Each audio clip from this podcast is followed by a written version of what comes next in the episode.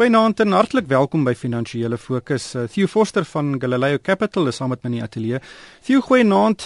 Eskom is regtig die groot storie van die week. Uh, Chedisa Matona het 'n perskonferensie toegespreek die week en hy het 'n baie somber prentjie geskets van die probleme by Eskom. En die die belangrikste wat daar uitgekom is dat die nodige instandhouding is nooit gedoen nie. Dit is eintlik eers 'n groot erkenning van Eskom dat daai instandhouding nie gedoen is nie. Die realiteite is ons gaan beslis beerdkrag sien en tariewe gaan verder styg. Heel moontlik teenoor as die inflasiekoers. Wat was jou indrukke van van hierdie perskonferensie?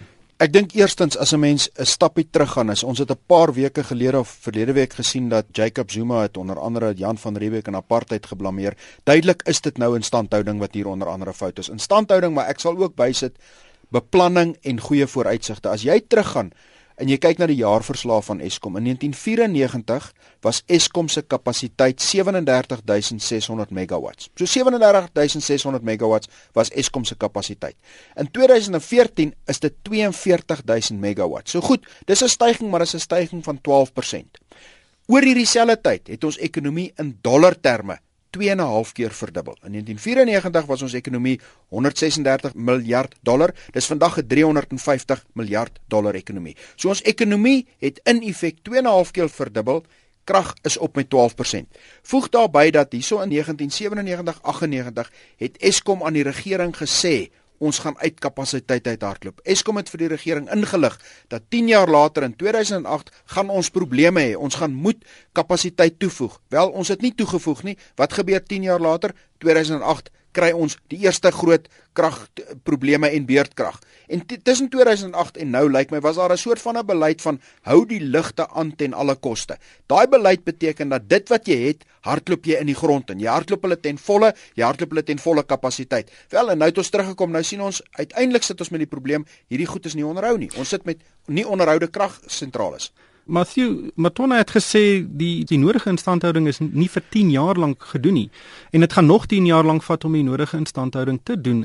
Dui dit op weet 'n korttermyn strewe om die ligte aan te hou of is dit 'n kultuur van net nie die goed instand hou nie? Ek dink hieso is 'n is 'n ernstige kultuurprobleem binne Eskom. Aan die een kant is daar 'n dink ek daar was miskien op 'n stadium was dit geregverdig, maar 'n mate van arrogansie dat Eskom is die enigste persone wat dit goed moet doen en is amper asof dit almal om hulle behalwe in is. Aan die ander kant van die saak is ek dink die probleem waarteen die knyptang waarna Eskom is is jy wil die ekonomie aan die gang hou en jy wil die ekonomie laat groei. Ons wil 'n ekonomie wat vorentoe gaan. Aan die ander kant sit ons met 'n probleem dat om te kan oordentlik in stand hou, het jy kapasiteit nodig. Jy het addisionele kapasiteit nodig. Daai kapasiteit is nie daar nie. My antwoord antwoord eenvoudig is dat hierdie ding gaan net opgelos word as jy ernstige samewerking kry met die privaat sektor. Dit wil sê wat die opleiding betref, wat die onderhoud betref, maar jy sal ernstig privaat sektor moet bykry om hierdie probleem aan te spreek want waar dit nou gaan net so min soos wat 'n mens ag kon slaan 15 jaar gelede op Eskom se uitsprake, 5 jaar gelede op Eskom se uitsprake. Is die vraag, het jy vertroue in die huidige stel uitsprake as gevolg van die geskiedenis dink ek jy bevraagteken dit. Kyk, die vorige uitvoerende hoofde van Eskom was eintlik kleurvolle karakters en ek dink in baie opsigte baie bekwam, weet Jacob Maroga en toe Brian Dames, hulle het die regte goed gesê, maar op die ou ende het daai instandhouding en daai strategiese weet besluite wat geneem moes word, het eenvoudig net nie gebeur nie. Kyk, ek kan verstaan dat die 2010 Wêreldbeker moes ten alle koste die ligte moes aangebly het. So dit beteken daai tyd kan jy verstaan en dit het Brian Dames reg gekry. Die onthou ons het gekom uit 'n klomp beerdkrag Die 2010 Wêreldbeker se ligte was aan reg deur die periode, maar iewers langs daai pad moes die fokus geskuif het na instandhouding en dan moes ons planne gemaak het om die instandhouding in plek te kry binne skedules. My opinie is ek dink nie hierdie goed is so moeilik nie. Ek dink dis 'n eenvoudige klompie somme, maar as jy die verkeerde mense en die verkeerde uh, kundigheid betrok het, dan gaan die ding nie uitwerk nie en dan kom jy terug na die punt wat jy moet sê maar wat is die rol van senior bestuur in Eskom en is hulle besig om 'n 5 en 'n 10 of 'n 20 jaar te implementeer? My vraag rondom dit dink ek nie kan jy 'n individu toeken nie. Dit gaan oor bestuurspanne. Beide hoofkantoor bestuurspanne, maar ook bestuurspanne by die by die by die aanlegte wat kragopwekking krag versprei. Hmm. Een van die antwoorde kan natuurlik privatisering wees, maar die regering het reeds op verskeie geleenthede gesê hulle gaan nie vir Eskom privatiseer nie. Dink jy daai woord kan dalk weer op die tafel kom op 'n agenda kom iewers want dit sal die verantwoordelikheid eintlik na na die private sektor te skuif en die wêreld uh, tendens wys baie duidelik dat 'n privatisering van 'n kragvoorsiener baie baie doeltreffend kan wees. Ryk, ek stem saam, maar ek dink nie noodwendig ons hoef die die Eskom soos hy vandag staan te privatiseer nie. Eskom se sakemodel is 'n sakemodel wat dekades oud is. In die res van die wêreld werk dit nie meer so nie. Wat Eskom wel gedoen het en daarmee moes toegee in 1994 het Eskom 870 000 kliënte gehad. Vandag het Eskom 5.2 miljoen kliënte wat natuurlik baie nuwe mense wat nooit krag gehad het insluit nie en daar is 'n sosiale rol rondom dit. Maar ek dink wat 'n mens moet gaan kyk is op hierdie stadium koop Eskom so wat 1000 megawatts 'n maand aan by privaat genereerders alreeds. So daai proses gaan aan. Dit kos Eskom so 1.6 miljard rand 'n maand om die privaat krag aan te koop. Die plan was om daai heelwat meer te sit op 'n stadium met Tabo en Bekkie gepraat van dat Eskom rondom 30% van die krag moet aankoop. Ek dink daai tipe elemente moet deurgevoer word. Hoe meer krag Eskom aan kan koop van die privaat sektor en daarmee sluit ek aan, gaan kyk na van die huidige kragsentrale. Ek dink baie van daai kragsentrale gaan meer effektief deur die private sektor beheer en bestuur word binne 'n stel riglyne. Ek is heeltemal gemaklik dat daar nasionale doelwitte ook moet wees, maar jy kan nie hierdie sakemodel wat gaan van opwekking tot verspreiding aan Eskom oorlaat as hulle vir jou gewys het hulle kan hom nie bestuur nie. So ek dink ons het reeds gesien dat daar's beduidende projekte aan die gang en as jy gaan kyk na al die huidige projekte wat aan die gang is, dan gaan jy na 'n posisie wat tussen 12 en 15% van Eskom se krag reeds deur die private sektor opgewek gaan word en deur Eskom aangekoop moet word. Maar ek dink daai element sal moet ernstig versnel word. Nou of jy dit wil noem privatisering in 'n hele politieke debat wil ontketen, die einde van die dag is 'n groot monopolie wat hierdie verouderde sakemodel het werk nie. Ons sal hierdie struktuur moet verander. Anderster gaan die belastingbetaler wat die aandeelhouer is die hele tyd moet inbetaal, waarborge moet gee en ek en jy wat die kraggebruiker is, sal moet vir die oneffektiewe bestuur moet betaal. Hmm. Kom ons gesels 'n bietjie oor beurtkrag. Ek weet dit is nou 'n realiteit wat ons in die gesig staar, maar ek kry die indruk dat baie verbruikers maak vrede met beurtkrag um, met interessante planne om dit die impak op hulle lewe te verminder. Dit gaan nie so 'n wesenlike impak op huishoudings hê as wat uh, baie mense dink nie. Ryk jy is heeltemal reg. Ek meen as jy kyk na ek het toevallig vir my in hierdie week 'n batterystelsel gaan koop en ek dink ons almal is besig om te kyk na alternatiewe, maar die probleem is dis die mense wat dit kan bekostig wat dit gaan koop.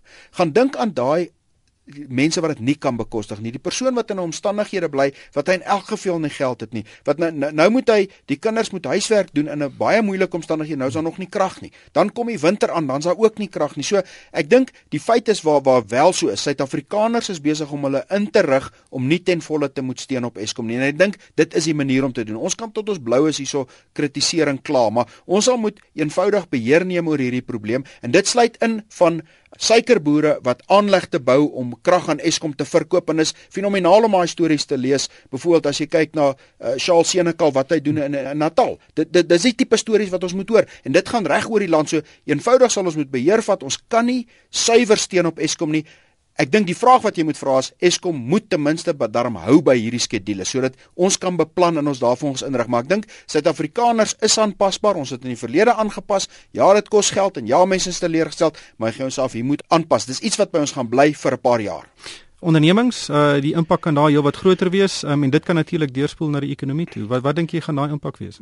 Ek dink daar's as jy met enige buitelandse belegger of fondsbestuurder gesels, is daar drie probleme wat hulle pla met Suid-Afrika. Die eerste probleem is die leierskap en die korrupsie saam met daai leierskap. Die die probleem met die sentrale hoofleierskap. Die tweede een is die arbeidssituasie in Suid-Afrika word al meer bevraagteken. Maar die derde probleem is Eskom. Want Eskom is broodnodig vir ekonomiese groei en vir ekonomiese aktiwiteit. En en ek dink die groot probleem met Eskom is En waar daai vraag pertinente voorkom is as jy kyk na nuwe projekte, as jy kyk na nuwe ontwikkelinge, as jy kyk na nuwe vervaardigingsaanlegte, as jy kyk na nuwe beleggings, raak dit 'n rooi lig. En daai rooi lig beteken die opsie in Suid-Afrika is 'n swakker opsie as die opsie waar jy krag kan kry.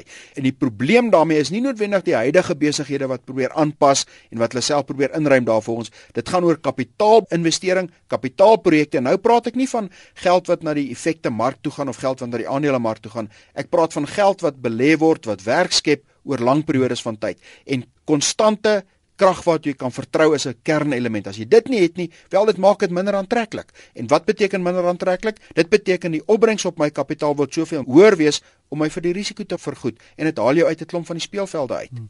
Wel ek hoop te dise Matona kan iets doen by Eskom. Dis broodnodig dat ons regtig goeie leierskap het om om daai skip om te draai. Maar Matthew, kom ons gesels 'n bietjie oor die Switserse sentrale bank wat hierdie week vir vuurwerke gesorg het. Die land het besluit om die plafon te skrap wat gekeer het dat die Switserse flank te veel versterk en die oomblik toe hulle die plafon weggeneem het, toe verstewig die Switserse frank met 30%. Die hele wêreld se um, wisselkoersmarkte het regtig ook weer heftig gereageer.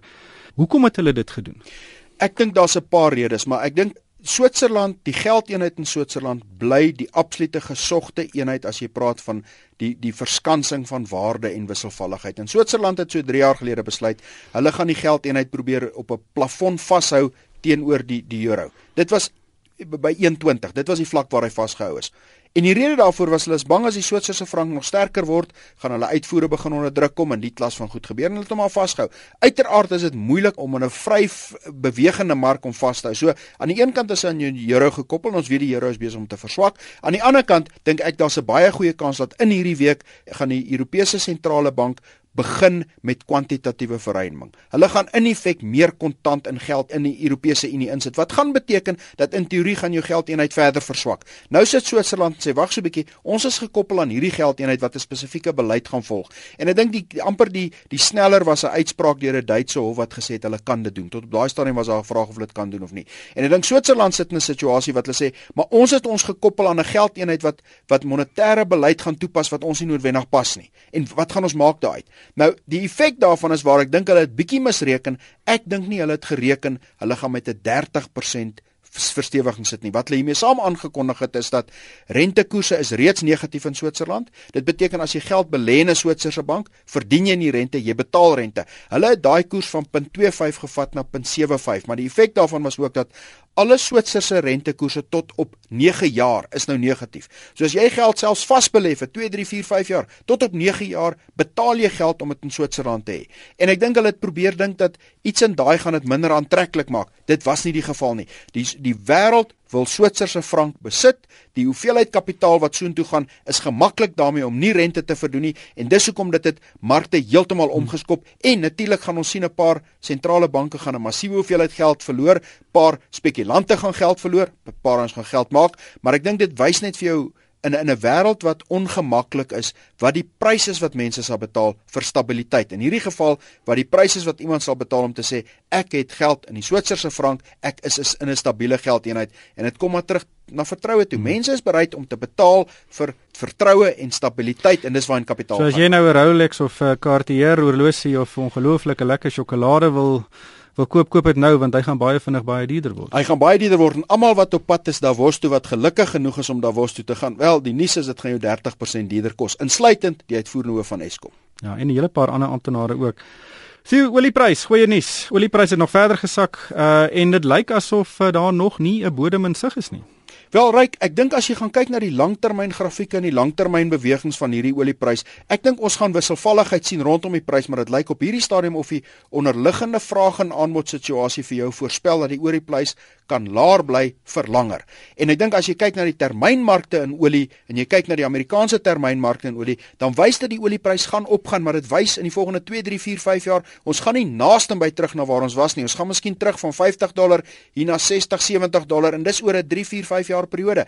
Ek dink die probleem met olie is ons almal weet daar is die aanbod van olie het dramaties verander en ek dink die probleem met olie is ook die vraag is nie wat dit was wat mense gedink het nie en dan die strategie van Saudi-Arabië af op hierdie punt is hulle waar hulle in die verlede teruggestaan het wanneer die olieprys afgekom het en die aanbod bietjie gedemp het, hulle het gevind gevind in die langtermyn werk dit nie vir hulle nie.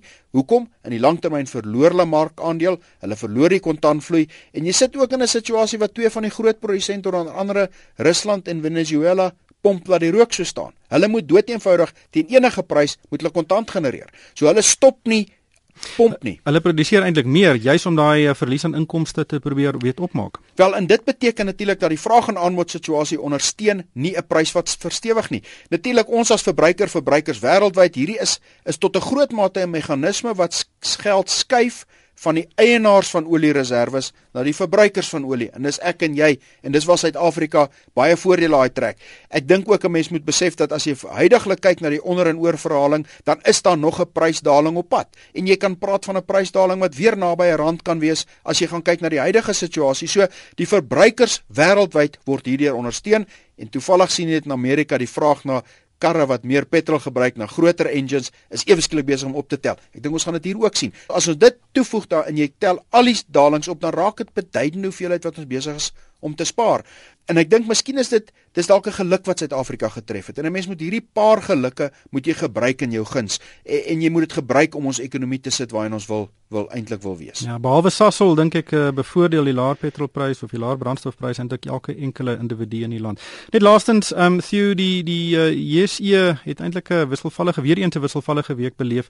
Maar dink jy 'n uh, kwantitatiewe verruimingsprogram in Europa kan dalk ons mark ondersteun soos wat die Amerikaanse program gedoen het?